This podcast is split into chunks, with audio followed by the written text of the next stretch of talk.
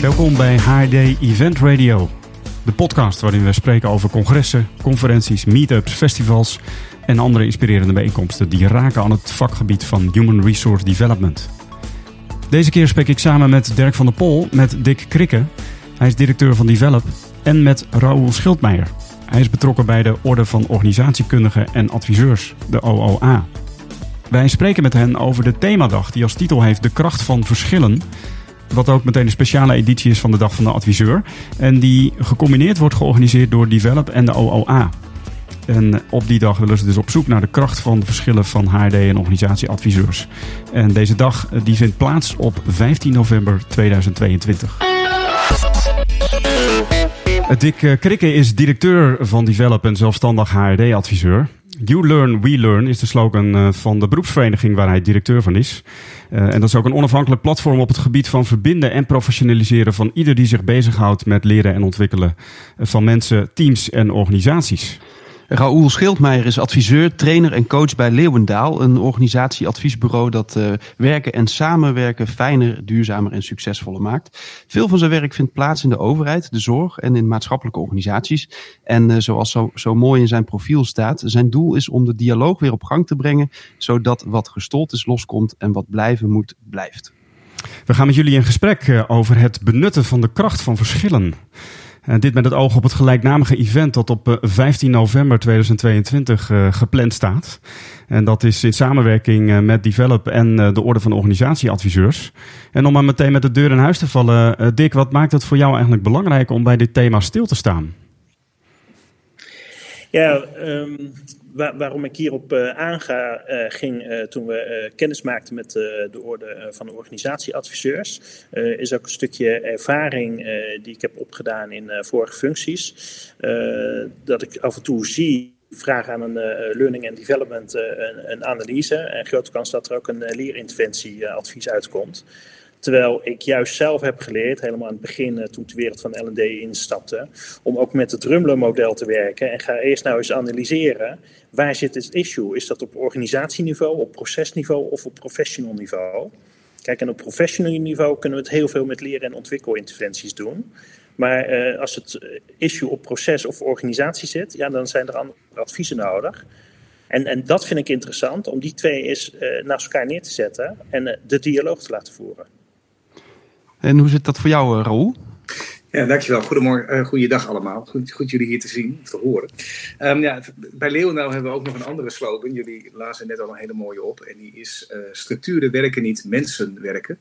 Dus wat ik bij Leeuwendaal erg ervaar, we zijn een multidisciplinair bureau, zoals dat als het duur heet. is dat we de hele breedte van, van het HR-vak over, overzien. Dus zowel de harde kant, functiewaarderen, functiebeoordeling en dat soort dingen. De structuur van organisaties als de zachte kant. Samenwerken in teams, leiderschap dat soort vraagstukken. En je ziet dat het helpend is als je die dingen met elkaar weet te verbinden. En uh, nou ja, ik ben dan daarnaast dus actief in de orde van organisatiekundigen en organisatieadviseurs. Ik zal het één keer helemaal deftig zeggen, de orde. um, en dat is van oorsprong een beroepsvereniging uh, voor organisatieadviseurs. Die werd opgericht door, uh, door ingenieurs. 100 jaar geleden ongeveer waren het ingenieurs die, die het organisatieadviesvak begonnen. Die stonden met stopwatches in fabrieken te meten hoe het allemaal sneller en efficiënter kon. Maar in de loop van een eeuw is daar de ontdekking van de mens uh, gebeurd. um, dat gebeurde denk ik in de jaren 30 bij het Hawthorne-effect. Toen, toen, de vraag werd gesteld: werken mensen harder als het licht zachter of harder staat? En mensen werken harder als je aandacht geeft, was de les van dat, van dat experiment. En zo zie je eigenlijk dat die twee, ja, die twee vakken zijn elkaar gaan ontmoeten. Ik maak dat dagelijks mee. Uh, en juist die wisselwerking tussen structuur, zeg maar de ingenieursvragen uh, aan de ene kant en, en de vraag over mensen en wat maakt dat mensen ja, hun beste, het beste van zichzelf geven in het werk, ja, dat is gaaf om te verkennen. En ja, reuze leuk om dat dan ook samen met Develop te gaan doen. Ja, en dus ik merk een, een, een, zeer sterke interesse in elkaars vakgebieden, om het zo maar eens even te zeggen. Maar Dick, dan moet je elkaar nog wel even vinden. Hoe is, hoe is dat eigenlijk gelopen? Ja, uh, ik zet Develop ook altijd neer, ook in mijn communicatie als uh, netwerkorganisatie. En ja, zo, zo, loopt dat via een netwerkorganisatie. Mensen kennen elkaar, hebben het gesprek met elkaar. En, en hoe de, de link met OOA is gelegd, is dat een van onze bestuursleden, Annelies Tegel, is ook lid bij OOA. En, en ja, toen werd het linkje al gelegd en toen was er al heel snel de uitnodiging. Um, weet je, dus vooral, dat netwerken, ontmoet elkaar. En, en dat vond ik ook zo mooi wat Dirk ooit in, de, in zijn kennismaking tegen mij zei, organisatiejournalist. Weet je, er zit voor mij het woord nieuwsgierigheid in. En dat werkt ook heel erg als we nieuwsgierig zijn naar elkaars vak. Om, om dan ook te kijken van, oké, waar zitten de verschillen? Maar waar zit eigenlijk de kracht als we die verschillen gaan, uh, gaan gebruiken? Weet je, en uh, waar ik er net ook aan moest denken Weet je, als, nou ja, even Raoul en ik als, als, als persoon, als, als voorbeeld. Weet je, als, ik, ik heb nog geen eens het idee dat het goed is voor de L&D'er als die meer gaat samenwerken met de organisatieadviseur. En ik heb ook niet de overtuiging dat het goed is voor de organisatieadviseur. Maar waar wel mijn drijfveer zit, is dat het goed is voor de organisatie waar ze adviezen voor geven. Mhm. en, en dat is weer volgens mij goed voor de medewerkers en goed voor de klanten, oftewel goed voor de maatschappij. Dus ik, ik denk eigenlijk een, een, stap verder als wij gaan samenwerken, uh, welke partijen er allemaal voordeel bij hebben. En dat is volgens mij de eindgebruiker. Ja, ja. Ja, want dat is wel interessant. Ik ben ook wel benieuwd van, um, wat was een van mijn gedachten, wat zou het eigenlijk opleveren voor een adviseur om zich in, in organisatieadvies te verdiepen? Maar jij zegt, dat is eigenlijk helemaal geen relevante vraag. Want het gaat eigenlijk veel meer over uh, wat uh, relevant is voor de medewerker of de organisatie uiteindelijk. Ja. Maar tegelijkertijd geef je ook wel aan die nieuwsgierigheid, of dat organisatiejournalistiek nieuwsgierig zijn naar elkaar dat, daar kan ook wel iets van lol in zitten, toch? Of, uh, of ben jij ze, beleef je er een beetje plezier aan om ook met Raoul op te trekken? Of is het puur, uh, is het puur missiegedrevenheid ja, dat je dat doet? Ja. Beetje afhankelijk van de laatste voetbaluitslagen. Ja. Ik kan het zeggen, uh, voor een andere club dan ik, dus daar, daar is wat minder lol uit. nee, maar ik haal er absoluut lol uit om vanuit nieuwsgierigheid, daar zit voor mij ook wel een, eh, een lol in.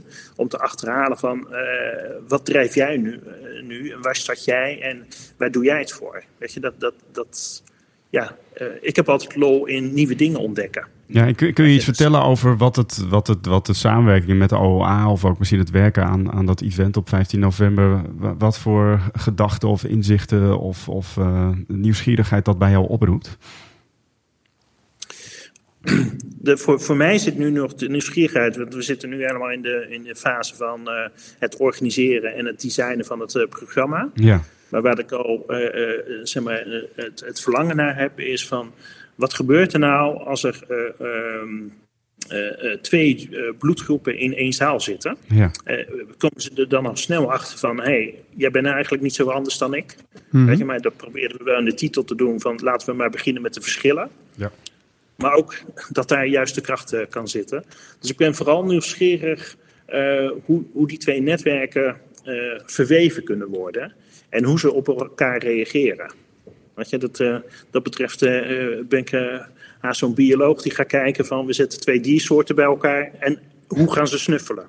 Mm -hmm. dat, daar zit mijn nieuwsgierigheid in. Hoe gaan ze aan elkaar snuffelen? Ja. Je krijgt er allemaal beelden bij, uh, Dick. Ja, dat snap ik. dat maar dat is af en toe voor een podcast ook lekker, hè? dat je ja. het kan visualiseren. ik zie Raoul aan Dick snuffelen. Maar, uh, hey, maar over die kracht van verschillen. Ik ben eigenlijk wel benieuwd. Uh, Raoul, heb jij een soort mooi voorbeeld van waarin je, waarin je dat ziet, misschien in je dagelijks werk, van hoe je, hoe je die kracht van verschillen benut ziet worden?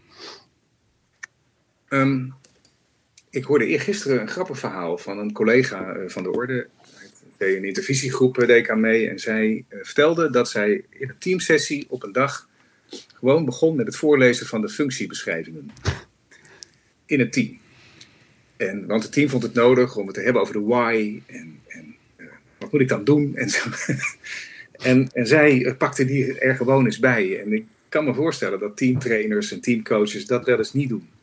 Maar eigenlijk dacht ik, dat is best wel gaaf. Hè? We zitten uh, vaak praten over opgaven en resultaten waar we aan moeten werken. Soms kom ik in mijn werk tegen dat dat, dat soms ook eigenlijk een beetje onbesproken eh, blijft. Dat we het daar niet over mogen hebben. En zij dacht, laat ik nou eens gewoon die functiebeschrijvingen op, uh, oplezen. En zeggen, is dit ook inderdaad uh, wat je moet doen? Is dit ook inderdaad de verwachting die bij je neergelegd wordt? Is dit ook inderdaad waarom jij aan het eind van de maand weer salaris krijgt? Daar kun je niet zomaar negeren. Hoe verhoud je je er dan toe? Ben je dit ook aan het doen? Kun je dit? Weet je, daar kun je er vervolgens allerlei vervolgvragen aan stellen. Want ik heb inderdaad in mijn eh, LinkedIn-profiel staan: je moet uh, losmaken wat verstold is. En je ziet heel vaak dat functiebeschrijvingen, zoals die ooit een keer zijn opgeschreven, lang niet meer passen bij hoe dingen in het echt uh, gaan en werken. Mhm. Dus het is ook niet zo dat je heel stoïcijns bij die functiebeschrijving moet blijven, maar als een soort van baseline, om af en toe nog eens hardop voorlezen, vond het eigenlijk wel een mooie en grappige interventie omdat die organisatie, als het goed is, wel iets bedoeld heeft met wat jouw functie is. En daar mag het volgens mij ook over gaan. Een organisatie is in het leven geroepen om een doel uh, te bereiken, om treinen te laten rijden of om zorg te verlenen of wat het ook verder is. Um, dus ja, om het voortdurend over de why te hebben vind ik mooi. Maar er is ook een why uh, waarom je gevraagd bent uh, daar te komen. Dus ja, dan kan het soms een beetje schuren misschien. Uh, maar ja, waarom zou het er ook niet even over mogen gaan? Je rekt als het ware. Vervolgens ook met open vizier te kijken naar hoe Ja. het dan gegroeid is. Hè? Want een organisatie is ook altijd adaptief naast het ontworpen systeem. Hè? Zoals Lijken van Os eh, zo mooi uitlegt in het boek eh, Onmacht. En zie je, dan, zie je dan ook op zo'n moment, uh, Raoul, als het daar dan over gaat en je hebt het, die functie, dat, dat klinkt als een superleuke interventie, hoe uh, zie je dan in, in dat moment ook dat er dan al iets gebeurt over die verschillen en hoe die overbrugd kunnen worden? Of hoe mensen inzichtelijk krijgen van, hé, hey, daar versterken we elkaar in? Of uh, gebeurt dat dan? Of hoe zie ik dat? Ja, dat kan ik niet helemaal overzien, want ik was daar niet bij. Het was een verhaal dat oh, het was een verhaal van van, okay. de visiegroep vertelde over hoe zij iets had aangepakt uh, oh, in het test. Ja. Maar ik had er wel verbeelding bij. Uh, uh, ik, ik, merk wel dat dat verschilt per organisatie. Maar ik kom wel in organisaties uh, en dan merk ik soms dat het eigenlijk niet mag gaan over het woord resultaat. Hm. En, en, en, dat hebben we ook eens in een organisatie rondgevraagd van waarom werk je graag in een team? En dan zeggen heel veel mensen ja, we werken graag samen in een team, want dan werken we aan een resultaat, dat vinden we mooi. Maar als het dan vervolgens gaat over resultaatverantwoordelijke teams in diezelfde organisatie, dan mankeert er iets aan. Dan is er iets niet goed aan dat woord. Dan schrijft dat, dan schuurt dat, dan checken mensen daar niet op in. Dat komt dan van boven, dat woord, resultaatverantwoordelijke teams. En dat vind ik verwonderlijk, dat je het leuk vindt om te werken aan resultaat samen in een team en het vervolgens er niet over mag gaan. Ja, Dick, als ik hier zo naar luister, dan um, zou je kunnen zeggen, je gaf het ook al aan van als we ons echt richten op het belang van de medewerker of de organisatie, dan uh, is het heel belangrijk om samen op te trekken en ook van dit soort interventies ook gebruik te maken. Is het dan eigenlijk nog wel passend ja. om, om überhaupt verschil te maken tussen, tussen HRD of Learning and Development adviseurs en organisatieadviseurs? Ja, vind ik uh, interessant dat je dat zegt, want dat, dat merk ik bij mezelf ook sinds uh, zeg maar de, de, de, dialoog die we nu hebben met de OOA. Zit ik daar ook op te kouwen van doet het nog wel recht dat er vanuit het verleden de organisatieadviseur en de, uh, de dat je vanuit het verleden klopt dat wel, maar is die ook nog toekomstbestendig? Of uh, uh, hebben we tussen nu en vijf jaar bestaan beide rollen niet meer, maar is dat één nieuwe rol geworden? En, en, en, ik, soms ben ik heel creatief met woorden, alleen hier heb ik die creativiteit nog niet gevonden. Ik, ik heb nog geen mooie nieuwe rolnaam ervoor verzonnen. Uh, maar ik heb wel zoiets, volgens mij ben ik daar wel een, visie voor aan het vormen. Dat ik denk, tussen nu en vijf jaar, uh, denk ik wel dat, hoe we die rol ook gaan noemen, dat je organisatieadviseur skills hebt, maar ook L&D skills. En dat dat één en dezelfde uh, professional is om echt impact te kunnen maken binnen organisaties. Ja, dus ik, ik, vind dat een interessante gedachte uh, die je hebt. Want dat, ja, dat, daar speel ik de laatste twee, drie maanden ook uh, heel erg mee. Ja. Door deze gesprekken die we nu aan het voeren zijn. Ja, het is eigenlijk het uitbreiden van je gereedschapskist, zou je kunnen zeggen, als ja. adviseur. Ja. En, en misschien heb je tegelijkertijd ook soms wel echt een specialistische timmerman nodig. Die op het moment dat het, dat het moment daar is, ook gewoon echt dat kan doen. Dus wie weet dat daar ook wel verschillen in kunnen bestaan. We denken, als, terwijl je dit aan het vertellen bent. Ja. Ja. Ja, maar dat, dat is denk ik eh, inderdaad ook een, goeie. Eh, tuurlijk, eh, eh, als je ziet van het, eh, het issue is net iets groter. Nu zet er een specialist erop. Ja, precies. ik denk dat, dat, ja, dat je wel een basiskennis moet hebben van, van beide vakgebieden. Ja. Hey, Raoul, eh 15 november, dat eh, is het voordat je het weet. Eh, waar, waar kijk je nou het meest naar uit eh, als je daaraan eh, vooruit denkt? De ontmoeting zelf is altijd weer leuk natuurlijk. Ehm, we werken ook samen met iemand die zegt, uh, ik heb hele leuke frisse ideeën. Alex uh, Hartman is het achternaam geloof ik, uh, Dick. Die denkt met ons mee over hoe we het moeten inrichten. Um, en die zegt, workshops zijn een verouderd medium, we moeten dat anders doen. Nou, ik was nog niet veel verder gekomen dan een serie ideeën voor workshops. Dus ik sta helemaal open voor wat Alex ons allemaal bijdraagt over wat, wat zou een andere manier van werken kunnen zijn om daar die interactieve uitwisseling te krijgen? Dus daar kijk ik sowieso erg naar uit. En zoals zoveel heb ik leergierigheid uh, als een van de belangrijkste drijfveren in mijn, weer, in mijn werk. Dus ja, dat alleen al is iets, iets, om naar, naar, uit te kijken. Hm. En het verkennen van het vak ook wel. Um, ook een beetje aanhakend op wat, je, wat Dick net zei. Um, ja, het is altijd een vraag, wat vraagt de klant en wat heeft een klant nodig? Hè? Dat, dat is niet hetzelfde. En uh, soms zie je dat de klant jou vragen stelt in een taal waarbij je denkt: ja, ik snap dat je de vraag zo stelt, dat leert niets over jou, maar eigenlijk is er iets anders achter nodig. Mm -hmm. Ik tegen dat, dat uh, klanten vragen stellen in het houvast van structuren. Kunnen we de structuur veranderen? Terwijl het dan in mijn beleving eigenlijk veel meer moet gaan over het gedrag dat daar uh, achter zit en omheen zit. En hoe kun je dat nou goed op elkaar laten inwerken? En hoe, wat voor mij altijd weer een vraag is, is hoe geef ik mijn klant die op die manier de vraag aan mij stelt, houvast en comfort. Juist doordat ik hem op een of andere manier uh, vertrouwen weet te bieden in, in, wat hij denkt dat de oplossing is, of zij natuurlijk. Ja. En tegelijkertijd ook de aanvulling kan brengen vanuit het andere. Dat is voor mij steeds weer een vraag. Hm. Um, in dat dilemma tussen ga ik doen wat de klant vraagt of wat ik denk dat de klant nodig heeft. En ik hoop dat ik daar uh, nou, weer wat extra inzichten op ga krijgen 15 november. Ja, superleuk ook dat, dat je ook niet alleen over de, de dat je niet alleen uitkijkt naar de inhoud, maar ook naar de vormgeving van het event. Dus uh, dat ja. is wel tof om ja. te horen dat je daar ook gewoon uh, met elkaar even de vernieuwingen opzoekt. En terwijl dit, jullie dit allemaal vertellen, Dirk, moet ik ook denken van, ja, zou jij als HRD-adviseur eigenlijk zin in hebben om je verder te verdiepen in organisatieadvies? Nou ja, zeker. Dus als ik even denk aan wat Dick net zegt, dan uh, denk ik van uh, wat, uh, ja, het lijkt me inderdaad wel, um, wel mooi. En volgens mij helpt het ook om wat breder naar het hele vak te kijken. Dus ik kijk ja, naar organisatiejournalistiek als vorm of zo. Volgens mij kan je dat op heel veel vlakken inzetten. En door misschien nog net iets handiger te worden in organisatieadvies en daar meer van te leren, kan je juist ook daar weer meer mee in vraagstelling richting organisaties of uh, dat soort dingen. Dus ik zie het ook meer als van, hey, kun je van en met elkaar leren. Dus het klinkt uh, wel tof. Ik denk dat ik me aan moet melden 15 november. Ja, dat denk ik zeker, want ik, ik zou zelf heel veel meer willen weten over organisatiejournalistiek. Dat maakt me nieuwsgierig, dat woord. Leuk. ik deed laatst een onderzoeksopdracht, een organisatieonderzoek. En toen moesten we beschrijven wat mensen vinden van de organisatie. Maar het werd ook zomervakantie enzovoorts. Dus het is zomaar informatie van vijf jaar, vijf maanden geleden. Ja. Uh, interviews. En toen dacht ik, ja, dat is een soort radiosignaal uit de ruimte. Weet je, dat heeft er een paar maanden over gedaan om ja. de bestuurstafel te eindigen.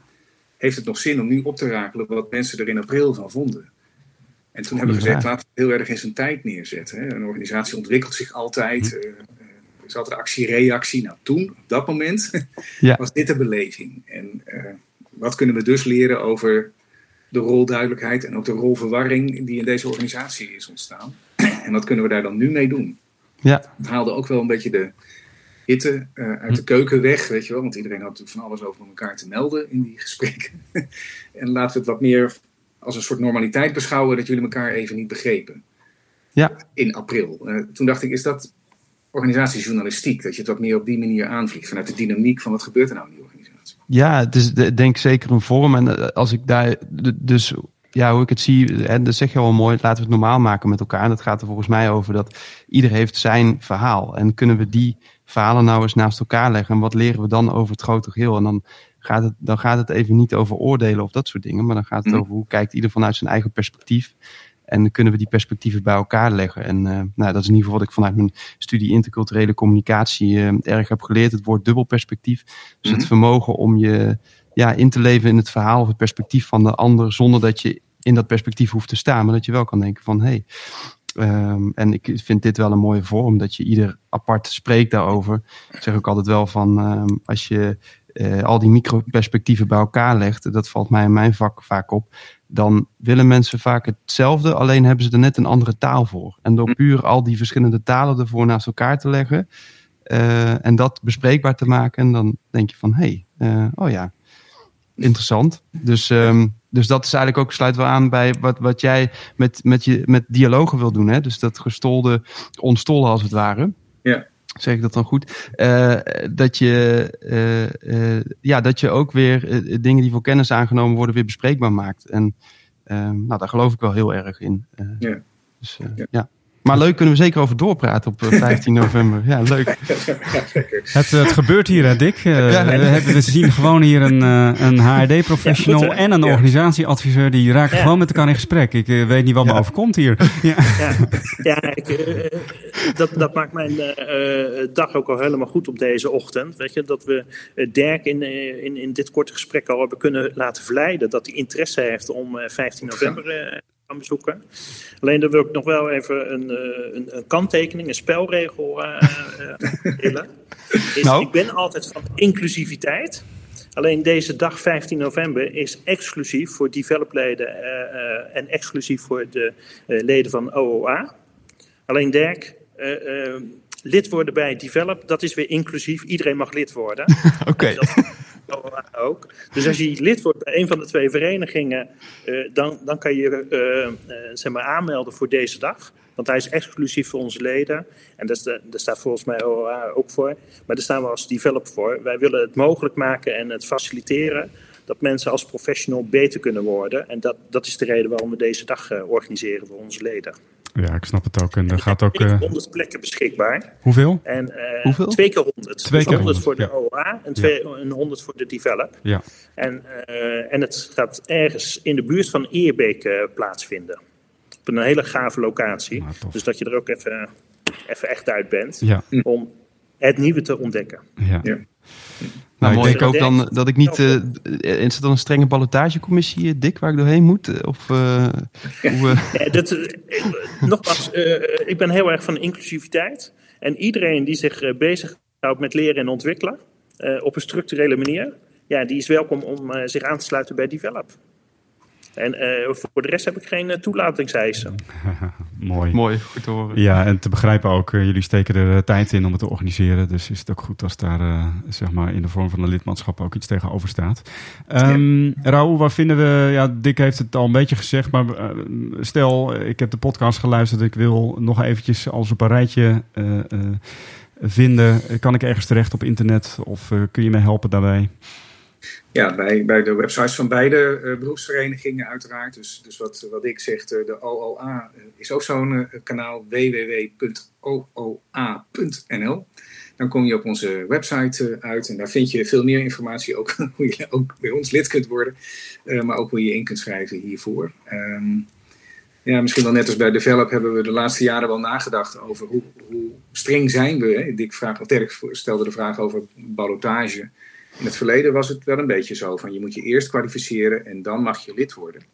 Maar daar zijn we eigenlijk van afgestapt. Uh, wij zeggen nu, we, we, we, houden van dit vak en we willen ook staan voor de standaarden, de kwaliteitsstandaards van dit vak. Maar we helpen elkaar om, om uh, daar overheen te komen. Dus uh, drempel laag, lat hoog is ons motto altijd. Uh, dus ook bij ons geen grote ehm, drempels om lid te worden als je je bezighoudt met het organisatieadviesvak. Maar er zit wel iets in van, van we staan er wel voor. Dus uh, uh, ja, organisatieadviseur is niet een beschermd beroep. Dus we moeten er zelf voor zorgen dat we er uh, ja, standaards en normen omheen organiseren. Dick Krikke en Raoul Schildmeijer, dank dat jullie wilden vertellen over het event De Kracht van Verschillen op 15 november 2022. Dank voor het luisteren naar HD Event Radio. Houd deze podcast in de gaten voor andere inspirerende events. Deze podcast, Deze podcast werd geproduceerd door Kessels Smit Broadcasting.